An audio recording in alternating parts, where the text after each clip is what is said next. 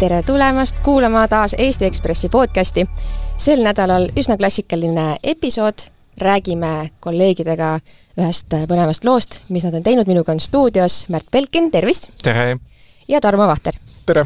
mina olen saatejuht Grete Lehepuu. Märt, me saatsime sinu eelmisel nädalal või juba üle-eelmisel nädalal Tartusse suhteliselt piinarikkale retkele. sinu ülesanne oli käia kuulamas ühte äärmiselt pikka kohtuistungit, olid seal päeva, sa pidid olema teise päeva, veel kolmandagi, ja mulle tundus, et iga kõne, mis me sulle tegime, sa natuke nagu ohkasid, et see, see protsess venib kirjelda, kes seal kohtus olid ja, ja mis meeleolud seal valitsesid? ühesõnaga, Tartu maakohtus arutati ühte päris ebatavalist asja, väga mitut pidi ebatavalist. Äh, kohtu all oli kunagine tipp-politseinik, äh, kes viimati juhtis Lõuna prefektuuri ehk siis Tartu kandi kogu sisekontrolli äh, Politsei- ja Piirivalveametis, Kaupo Martihhin on tema nimi, ja kohtu all oli ka tema poeg. Ja neile heideti ette päris äh, mitmesuguseid asju, väga palju erinevaid episoode oli äh,, põhimõtteliselt öeldi, et äh, nad ettevõtjatena äh, elasid äh, suhteliselt magusat elu äh,, käisid firma kulul reisimas, kirjutasid selle töölähetustesse, aga episoode oli veel väga palju ja asi oli tõesti väga mahukas. Ja äh, eelmisel nädalal peetigi lõpukõnesid, ehk siis äh, prokurör esitas oma süüdistuskõne, äh, kaitsjad kaitsesid ennast ja see võttiski kogu nädala. see on päris pigem ebatavaline, et prokurör pidas oma süüdistuskõnet äh, kaksteist tundi, see oli tal äh, sadu lehekülgi, kolm päeva võttis see kokku aega, kus ta loetles erinevaid süüdistusepisoode, rääkis tõenditest, vahepeal oli kohtus näiteks selline episood, kus prokurör rääkis tegelikult väga kiire kõnetempoga ja kaitsjad äh, ütlesid, et äh, kas saaks palun natuke aeglasemalt, et äh, jälgida ei jõua. ja siis ka kohtunik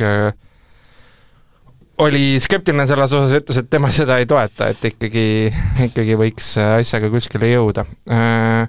kohtusaalis oli jah, selline huvitav õhkkond, kus tegelikult seal inimesi väga palju ei olnud, olidki poolte kaitsjad, kohtunik, aga mingisugust sellist pinget väga tunda ei olnud, et äh, Kaupo Martichin tuntud äh, asi talle ilmselgelt selline, ütleme, antagonistlik situatsioon või nii. Äh,, võttis selle kõik vastu stoilise rahuga.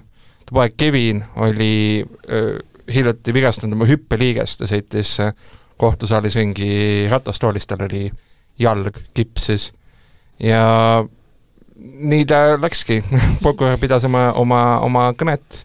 Inimesed kuulasid ja ei olekski võib-olla aru saanud, et tegu on väga äh, ebatavalise asjaga selles mõttes, et äh, prokurör nõuab Kaupo Martinile reaalset vangistust neli aastat, mis on äh, ikkagi väga ränk nõudmine äh, inimesele, kellele see on esimene süütegu, mida talle ette heidetakse. Ja asi, mis on kahjuks või õnneks Eestis ettevõtete seas ikkagi päris tavaline praktika. Tarmo, sinu aastatepikkuse kohtus käimise ja, ja igasuguse kohtukaasuste kajastamise pealt kaksteist tundi süüdistuskõne, see kõlab ikkagi päris no, uskumatult. on, veel mahukamaid asju, et äh, ma ei kujuta ette, mis see saab olema näiteks Danske rahapesu asjas, seal võib see veel pikem olla, et äh, kui asi on suur, siis äh, ega siis pääsu ei ole, et prokurör peabki oma tööd tegema selles loos saavad jah kokku, te olete seda niimoodi toredasti kirja pa-, ka pannud justkui nagu kahes teemade plokis.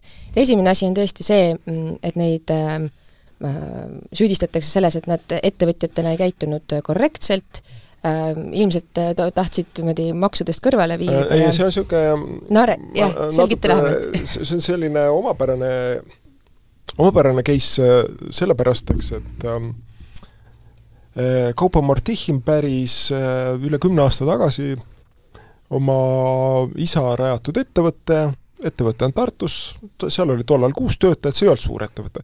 aga seal oli selline oma turuniss, et nad tootsid liiklusmärke ja siis äh, müüsid neid ja ettevõttel oli reaalne käive ja Kaupo Martichin, kes tollal töötas äh, Tallinnas äh, Keskkriminaalpolitseis kõrgel ametikohal, juhtis olulist üksust otsustas, et ta siis läheb sellelt töölt ära ja läheb siis eraettevõtjaks ja suunduski sinna ja hakkas seda ajama ja teine pärija oli tema vend ja nemad olid siis, nad ei olnud ainsad selle aktsiaseltsi osanik, aktsionärid, seal oli teisi inimesi veel, aga kellelgi ei olnud nagu ütleme siis seda aktsiate kontrollpakki. ja ühel hetkel siis Kaupo Martichin ostis ühelt teiselt väikselt osanikult siis tema osa ära ja siis temale tekkis aktsiate kontrollpakk üle viiekümne protsendi aktsiatest ja siis tõepoolest seda ta üldse ei eita, et see on absoluutne fakt, eks, et üks vend puksis teise välja justkui? Noh, seal on, seal see on segane, ütleme, et mina ei võta seisukohta, eks, et seal tõepoolest nad mõlemad vennad töötasid seal ja ühel hetkel Kaupo oli suurim aktsionär ja on seda praeguseni, ja tõepoolest tülli nad läksid, see on ka fakt miks nad läksid tülli, vaat seda ma nüüd ei oska öelda et aga sina kuulsid sellest võib-olla rohkem? Äh, kuulsin äh, sellest äh, nii palju, et vendade vahel tekkis väga tõsine konflikt, nii isiklik kui äriline, suhted läksid rappa, pooled süüdistavad teineteist ebaprofessionaalses käitumises, noorem vend, kes on siis vähemusosanik, leidis, et Kaupo tahab võtta firma üle kontrolli ja tõesti teda välja puksida mm, -hmm. ning tema ja prokuratuuri versiooni järgi Kaupo pani püsti eraldi sellise puukfirma nii-öelda, selle, selle liiklusmärkide tootja kõrvale, mis, millel nimi oli hästi sarnane, mille logo oli sarnane, mis tegutses samas kohas ja osutas sarnaseid teenuseid. aga mis asi on puukfirma? no puuk siis selles mõttes, et äh, ainult Kaupole kuuluv või tema kontrolli all olev firma, mis äh, kasutab põhimõtteliselt äh, originaalse firma äh, kaubamärki ja kliendibaasi selleks, et teenida ainult iseendale tulu. ehk siis äh, justkui äh, ajada enda kaukasse seda tulu. kaupa versioon on muidugi see, et ta tegi seda nii-öelda lisatööde jaoks kõikide osapoolte teadmisel ja tegelikult kuidagi konflikti ei läinud originaalse firmaga, et mõlemad said reaalset tulu sealt. aga see selleks, kaupa versioon on see, et ta vend oli sattunud äh, elus ka mitmesuguste probleemide küüsi, oli väga probleemne inimene, kellega äh, koostööd teha ja ei täitnud oma kohustusi ja ta üritas ka ise teda aidata võib-olla elu, elu muuta stabiilsemaks ja äh, paremini toime tulla nii ettevõtluse kui muuga, aga nägi, et vend ettevõtte juhtimises osaleda ei suuda või ei, ei saa. Ja sealt äh, asjast, mis on tegelikult, äh, võiks olla tsiviilvaidlus, äh, kurb igal juhul, noh, kui vennad tülli lähevad niimoodi, mm, sellest äh, asjast sai hoopiski kriminaalasi. Jah, selles suhtes, et see süüdistus on siis äh, äh, Kaupo Martichinile selles, et ta on siis äh, sealt firmast siis nagu oma venna arvelt siis nagu raha omastanud rohkem kui neljakümne tuhande euro eest. et äh, mis siis väidetavalt toimus siis ka selle, nad tõesti käisid äh, päris palju välismaal, vormistasid selle lähetusteks. no toome ja. mõned näited ka, mis, äh, mis no, prokuratuur koht... ütleb, et need ei olnud lähetused, need olid lõbu- ja poissmeeste reisid ja nii edasi. just, just, äh, noh, seal oli näiteks üks poissmeeste reis Las Vegasesse, kus siis poeg Kevin oli äsja abiellunud ja seda tähistati. oli üks ringreis USA-s ja Kanadas, mida planeeriti, üks ühine sõber organiseeris selle reisi Äh, saatis ka kirja, mille, mida prokuratuur tõendina esitab, mis algas ahoi, ahoi reisihundid ja kus kirjeldati seda, et näiteks et põrutame USA-sse ja teeme seal, mida tahame. Äh, ja kui... lähme näiteks outlet idesse ja saame osta odavaid tosse või võib-olla põrutame hoopis San Franciscosse ja Mehhikosse okay,. Äh, aga... või siis näiteks üks episood oli, kus mindi äh, perekonna tuttavatega reisile Londonisse, vaadati, käidi muuseumites ja vaadati dinosauruse näiteks, või äh, Soome Lapimaale külla. et äh, oli reisibüroo kaudu ka broneeritud just nimelt Lapimaale külla. kellele siis külla mindi? Äh, ma arvan, et mindi külla Lapimaale. jõuluvanale äh,. jah, tõesti, tõesti jõuluvanale. okei okay,, aga ütleme, see, see on ka koht võib-olla, mis nagu avalikkust huvitab ja teisi ettevõtjaid ka, et äh, ettevõtte et ma ei tea, jõulupeod, firmareisid, koolitusreisid, absoluutselt lubatud. kust nüüd siis see piir jookseb? see ongi kust... väga segane ja selles suhtes, eks, et äh, Kaupo Martichini advokaat Kaire Häniline, kes on endine tuntud Tartu prokurör, nüüd on advokaat, tema ütles seal ka vaid-, kohtuvaidlustes, et millele tuginedes on prokuröril üldse õigus öelda, kellega ettevõtjal on õigus reisil tutvuda ja et see, et ta seal kusagil õlleklaasi taga võib ka ajada kellegagi tööjuttu, et seda ei saa ju kuidagi kuidagi välistada, ta ütles, et see süüdistuse kohta, see tuleneb ikka ainult prokuröri piiratud maailmavaatest.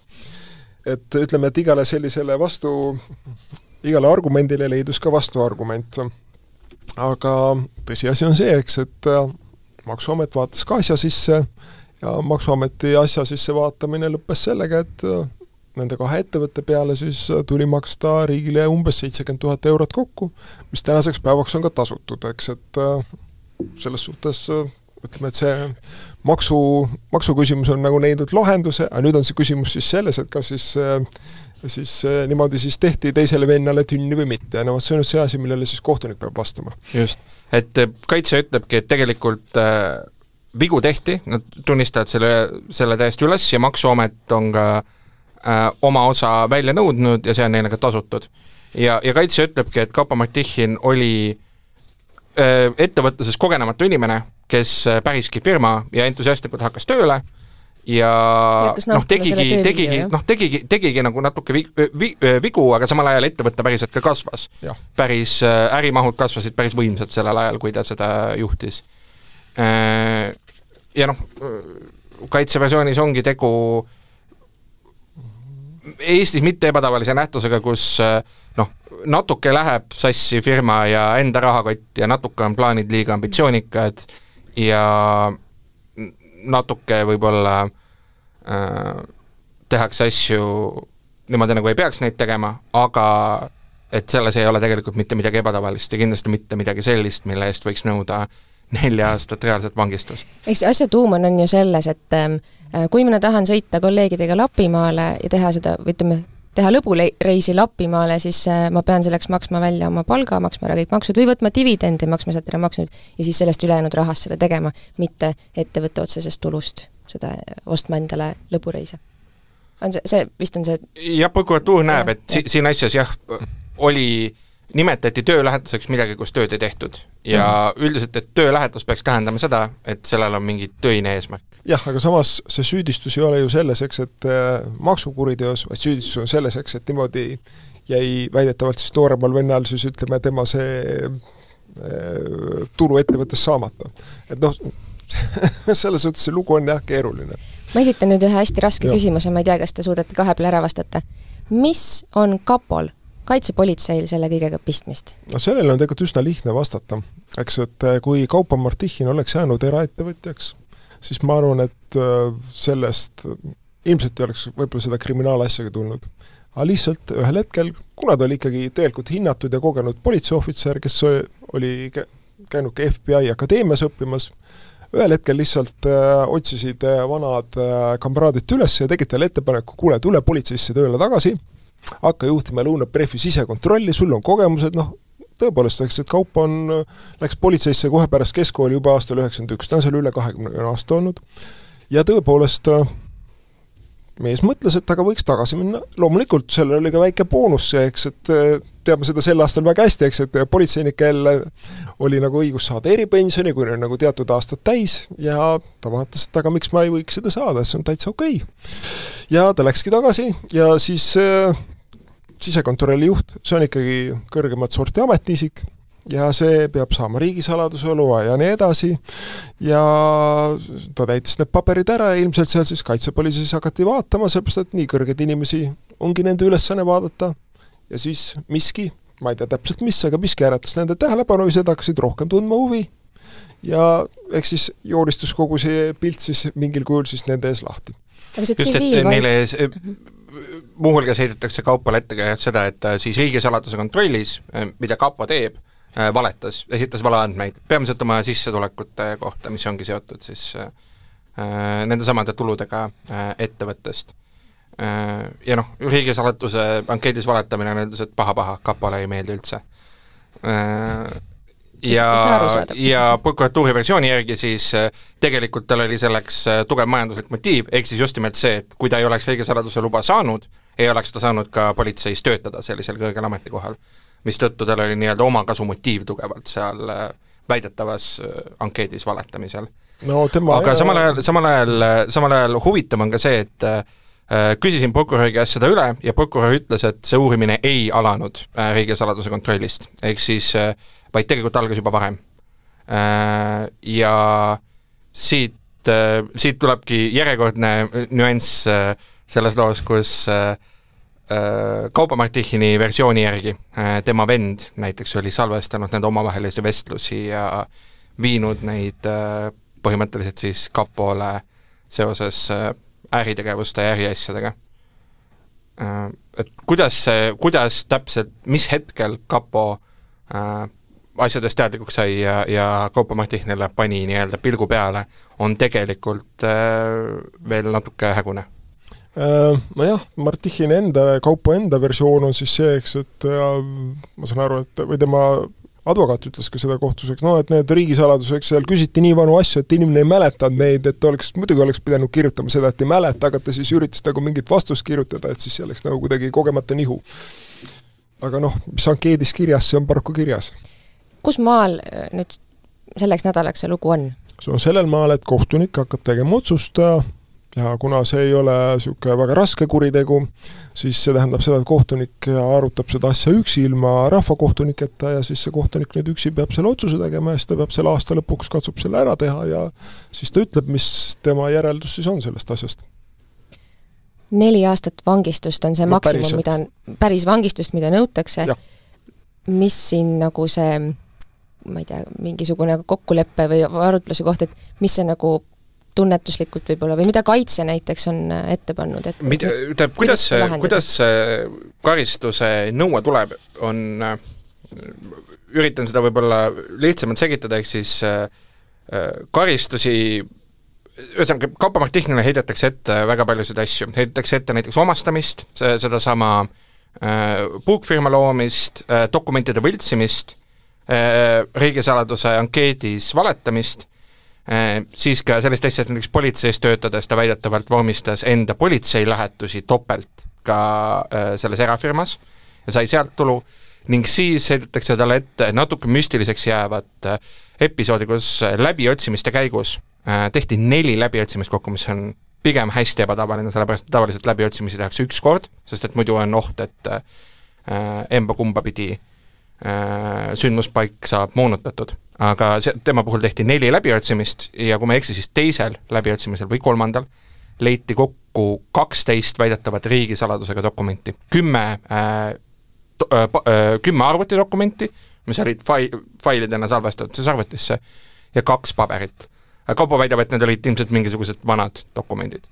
aga ühesõnaga jah, ka riigisaladuse väärkasutamine on seal sees. ja see karistuse nõue ongi pandud kokku nendest erinevatest episoodidest, ne-, neil on erinev nii-öelda raskusaste ja siis prokurör on kokku arvestanud, et tema hinnangul see karistus võiks olla neli aastat reaalset vangistust.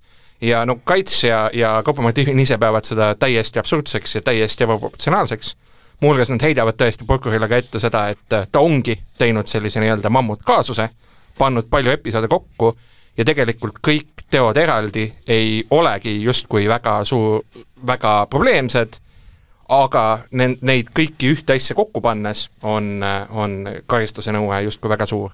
ja reaalse vangistuse nõudmine on tõesti Eestis pigem mitte väga tavaline praktika. no majandusasjas põhimõtteliselt, mis on see enamus sellest me näeme ikkagi. suurtes narkoasjades võib-olla seda, sarnases kaalus on ju, aga, aga mitte jah just, et sellise valge käe kuritegude eest äh, reaalset vangistust juba nõuda, on tegelikult päris suur samm. ja kohtunikul noh, on kindlasti, kindlasti keeruline otsus teha, sest et äh, asi on ka mahukas äh,, kohtunik ise nimetas ühel vaheajal seda mammutprotsessiks, mis on ka igati akuraatne kirjeldus.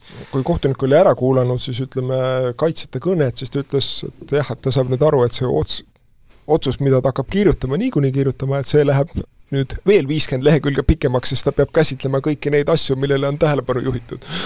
et äh, siis on arusaadav, et alles aasta lõpuks ehk arusaadav, kohtunikul ka lahendada ka palju teisi asju, see ei ole ainuke asi, millega ta tegeleb. et see, et ta aasta lõpuks loodab valmis saada, on isegi päris tempokas. päris, päris tempokas ja päris muljetavaldav, sest ja. et äh, jah, Äh, muidugi vist enne jäi mainimata, et äh, see üks nädal, mis ma kohtus veetsin, on, on ainult üks nädal, rohkem kui pool aastat kestnud protsess. aasta algusest saati on tegelikult peetud seal istungeid, kuulatud üle tunnistajaid, vaadatud tõendeid ja muud sarnast. Äh, et tööd, tööd nagu kohtul jagub. viimaks, kas te oskate öelda, mis sellest ähm, ähm Viktor Martihin ehk siis Kaupo isa firmast praeguseks on saanud? Kaupo sai selle firma käima, nagu me kuulsime, äh, teenis ta kenasti ka kasumit, aga nüüd, kus äh, nii tema kui ka ta poeg on kohtu all, mis sellest ettevõttest on saanud, teame me? Äh, see ettevõte minu teada tegutseb praegu edasi, kui edukalt, seda hetkel ei oska öelda, aga kui Kaupo Martin süüdi mõistetakse, siis noh, kaitsja versioon on ka see, et see tähendab tõenäoliselt ettevõtte pankrotti vähemalt see on see, mida ta äh, kohtule tahab nii-öelda südamele panna. sest noh, ettevõte kui selline ei ole, juriidiline isik ei ole kohtu all. vot sellised lood seekord Tartumaalt, Märt ja Tarmo, aitäh äh, stuudiosse tulemast, äh, kuulajatega seda jagamast ja teistel ikka lugege Ekspressi veebist ja lehest ja meie podcasti saate, meie podcastile saate ligi nii Delfi taskust kui ka kõik teist, kõikidest teistest podcasti äppidest. olge tervitatud ja kuulmiseni!